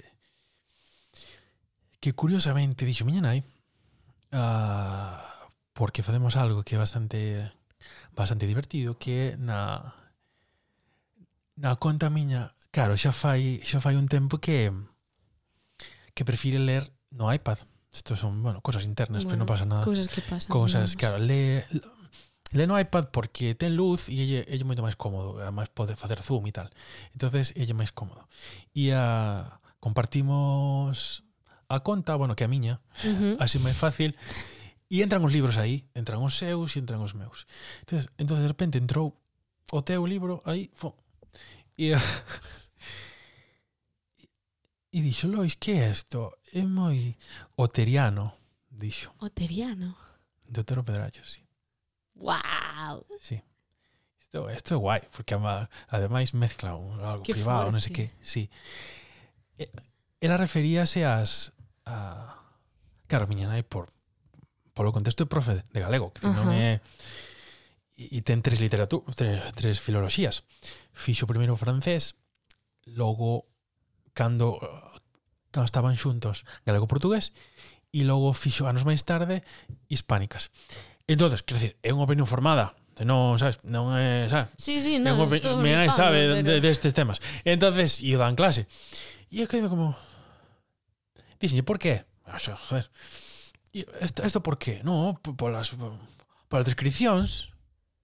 Ok. Sí. Vou, vou, vou, ok. Could be. Vou pillar esto. Entonces, é eh, como como as traballas? Porque estou de acordo, son moi bonitas. Eu estou aí en, en, en ese barco. Eh, de... A min gusta moito eh, describir. Me E eh, gustame moito... Notase, notase. Notase, notase. No? Sí, bueno, tamén a descripción é eh, igual é mellorable tamén. Bueno. Pero, pero bueno, eh, digamos que parte do proceso e, e ás veces en certas en certos contextos pareceme tan importante ou máis eh, a imaxe que crees ti na cabeza mm. como o diálogo ou a acción que se vai a desenvolver nese marco. Eh, é fundamental. Entón, Sí, tamén o penso porque eu creo que ten máis peso precisamente da novela. Eh, sí, Sí, eu estou de acordo con iso. Eh, dende unha visión máis global da, da obra, sí, sabes, igual mm, despois sí. a, a hora de comentalo, pois, eu que sei, non, non é máis interesante para todo o mundo ou que sexa, pero, bueno, tamén unha cosa que agradece porque poucas veces se fala, pero sí, eh, é unha parte fundamental porque é a maneira de darlle vida e de que todo teña de algún xeito a realidade que, que ten a historia e, e é fundamental pois atopar eses espazos e para min eh, Mm, todo é importante, tanto o que se di como o que non se di. Eh, eh, o que se di as casas e especificar que a casa ten ferruxadas ou que ten as ventas deste xeito ou daquela outro, pois ten un sentido, non? E, e ten o sentido de que o lector este aí nese intre e que poda facer unha visión 3, 360 como as da YouTube, sabes? Que miras para a esquerda e sabes o que estás vendo, miras para a dereita e sabes o que estás vendo tamén e estás dentro da, da película. E como as traballo bueno, mm, creo, mm, teño que acortalas sempre, o sea, igual podo facer páxinas e páxinas de descripcións por disfrute meu, por tamén eu saber onde estou, e despois digo, bueno, isto hai que quitalo porque isto non é interesante, non aporta, ou simplemente perdes o fío do que se está a contar, que tampouco se pode permitir. Eh, pero tampouco mm, moito do que escribo é, é, é parte de, de azar no sentido de que eu non son unha autora que traballe con escaleta ou, ou que teña moi claro o guión que vai seguir no, no proceso de escrita non? Todo vai un pouco levame máis a min a historia que eu, que eu a ela. Entón eh, sí que ten ese sentido. Eu estou flipa sabes que a miña boa eh, traballou para o Tero Pedrallo na súa casa? Wow. Wow. Entón, agora, Flipas con eso, eh? Agora mesmo estou como... Igual deixou aí un, pou, un pousiño a, para min, wow. Botero, sí. Na súa casiña na Rúa da Paz, en Ourense. Claro, tamén o cito porque foi algo como moi intuitivo de parte dela. Entón, sí, eu sí, captei, non? No? Claro, gustoume demais porque non viña de ah, oh, dunha reflexión moi racional, sino uh -huh. foi como Unha primeira impresión. O impulso mm. inicial non é, oh, no, fixen análisis, que conclusión. Mm. Non, foi, lois, que é isto? Ah, pois pues, algo, non sei que, tal. Eu, eu, eu expliqueille, pero foi como o primeiro que lle deu, entendo. Queuteriano. a, ao ver, supoño que ao ver ao principio, non sei que, sí. tal. Sí, porque ademais arranca cunha descripción a... Bueno, arranca cun fado a obra. Sí. sí. Pero despois... Eh, sí É unha descripción, non? De onde está Ainda fai pouco, vin a Ana Moura en, en Vigo. Sí? Que son moi fan de fai anos. De Ana. Ah, o meu disco preferido de Ana é o... Espera, espera chamase eh, para... Amalia Rodríguez. Para... Alén da saudade. Uh -huh. Eu ese disco escoitino moitísimo. Moito, moitísimo. Durante bastante tempo. Ben, e a outra cousa que é que a última, antes do, do final, que teño aquí un detalle que antes estaba antes como colocando aquí, uh -huh. diante miña, que um, antes falabas dos dous finais, que había un e que a xente como inventou outro. Sí. Como é isto? A ver, Xoaniña ao final morre. That's it. O sea, mm, Xoaniña eh, remata co, co que quere facer, non? Era precisa pechar todos os capítulos eh, ferintes da, da súa vida, porque a pesar de que está nun proceso de esquecemento, o que parece que non consigue esquecer son as emocións e a dor, non? E incluso a carraxe perme, permanece. Carraxe, a carraxe. palabra tan... Sí. eh, entón, eh, cando por fin remata co seu cometido, non? Que, que vingar Arcadio e matalo, e ela mátase tamén. Ela tírase, unha xoaniña que boa, porque xa non ah, aquí tamén houve un moito debate de é porque a súa vida deixa de ter sentido non, a súa vida mm, en certo modo deixou de ter sentido hai moito tempo, por desgraza, sabes? Que en un punto no que estivo completamente ferida, pero precisa de algún xeito arranxalo, como eh, precisa que esa dor que ela sentiu quede erradicada, non? E nesa paz ela volve renacer. E nese renacer a xente interpretou que Joaniña non morre, que Joaniña simplemente renace. Que boa, pero que boa nun xeito como místico literal. E isto foi unha acepción sí, non, kafkiano de, sí. non, non eh, interpretada pola maioría ni moito menos, pero sí que sitio que fun, sitio no que había un 10% de persoas, sabes, ainda que fora unha persoa que dicía Pero como fala, chegábamos a falar do final porque, sabes, nun sitio que xa leron o libro, claro. E, e aquelo como era aquí, como, como se si lle decías que non existe Papá Noel, sabes? O sea, cando chegábamos ao final, era como, como que se matou? De que estades falando? Que, como? Que, que, que mm, non ven a obra. no, a ver, cada un ten a súa interpretación. Supoño que tamén é un estudo de como de positivo es na vida. Esa. Sí, ou igual hai xente que a idea de de voar non a asocia, sabes? A asocia ah, pois. Eh, sí, bueno, eh teño que dicir que non o fixen con intención de que quedara así no aire, senón tería o feito moito máis ambiguo. Claro, podría ser que se, Pero que se transforma... Para, para min está rota. Eh, sabes, xa rematou. E remata... Sí estás contando unha vida, non é que a contes dentro principio, aínda que sí que te remontas a súa infancia e contas as súas traxedias, e en algún xeito ten que rematar esa historia e para min non tiña sentido que rematara con ela por ali purulando ata quedar completamente no esquecemento e falecer, sabes? Como que ela xa estaba, pa que quería esperar agora? Pa, pa esquecerse de todo? Pa ter que reler o diario 20.000 veces? Xa non lle quedaba nada que facer sin fillos, sin parella, eh, Xavier, Xavier morría antes que ela, que tamén igual tería sido unha salvación pero non, non había. Igual que Frodo xa fixo todo e Algo... marcha. a ver, eh, eh, a min o que me interesaba falar con esta novela, principalmente se teño que decir algo era da soidade, non? Tamén por iso xa Niño é unha persoa maior e é unha realidade de moita xente maior que está completamente soa, non? Uh -huh. E a xente maior cando está soa, eh, quizáis o único fío que tendo que tirar son as súas lembranzas e as súas memorias e revivir e incluso vivir moitas veces nese mundo. Si collemos ese único fío e o cortamos cunha enfermidade como o Alzheimer, non queda nada. Entón, ela tece outro fío, que é a súa vida, volver a refiala, entender os conceptos que son necesarios entender, entender de onde ven esa dor e esa carraxe e esa, eh, eso que sinte, resolvelo e a partir de aí, inconscientemente, volveu cortarse o fío. Entendes? E, uh -huh. e xa non xa non ten sentido estructurar outro, xa non hai máis que facer, xa non queda nada. Entón, como non queda nada, pois ela tampouco ten nada po que quedar. E, e esa é a miña reflexión. Que despois hai outra xente que interpreta como un renacer e tal, bueno, maravilloso.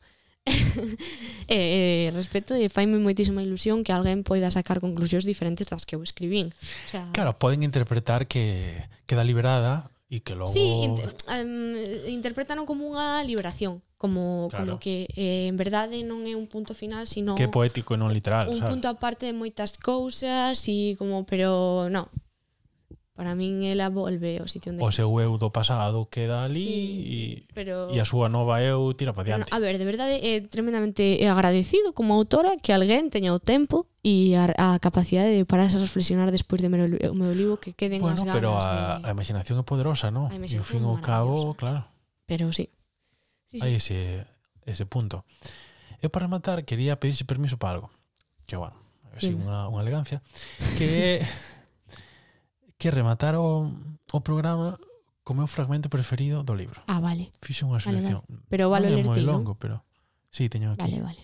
Ostra, pedirse que o saibas de memoria todo, no. No, no teño aquí, coña. teño aquí cortado. Vale. Sí, teño aquí. Entonces, eh, eu creo que nos podemos despedir. Bueno, vale. no, no podcast. Eh, Para que remate sin eh, contexto.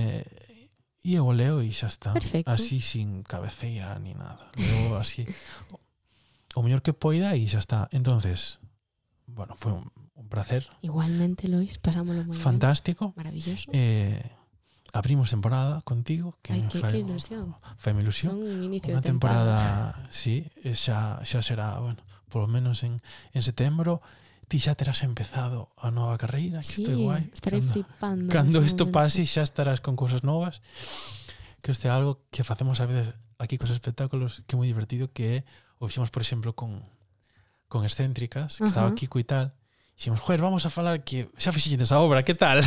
Como, ah, pois pues a obra melou, joder, saiu de puta madre, e tal, sí. que estas historias. E este un pouco igual, buah, can, cando isto este xa, xa estarás co... Eu estarei aí... Con novos contextos. A xente saberá que estarei ben, entón, se si todo vai mm. según planeado. En principio estarei claro, seguro, moi feliz. Que o libro vai ben, o sea que no, pues nada. nada. Pues moitas e estamos aquí, estamos estamos disfrutando do teatro. Entón, non, claro, igual tes certa curiosidade de calé. Sí, sí, eu estou expectante. Tes, no? Vale.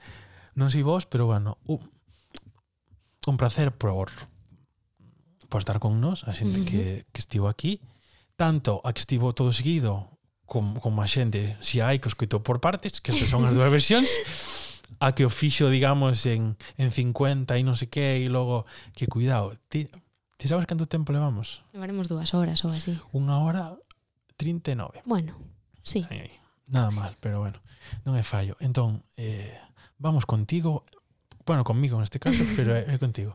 Está guai, que é... Eh, deixar así unha, unha pausa e entro, vale?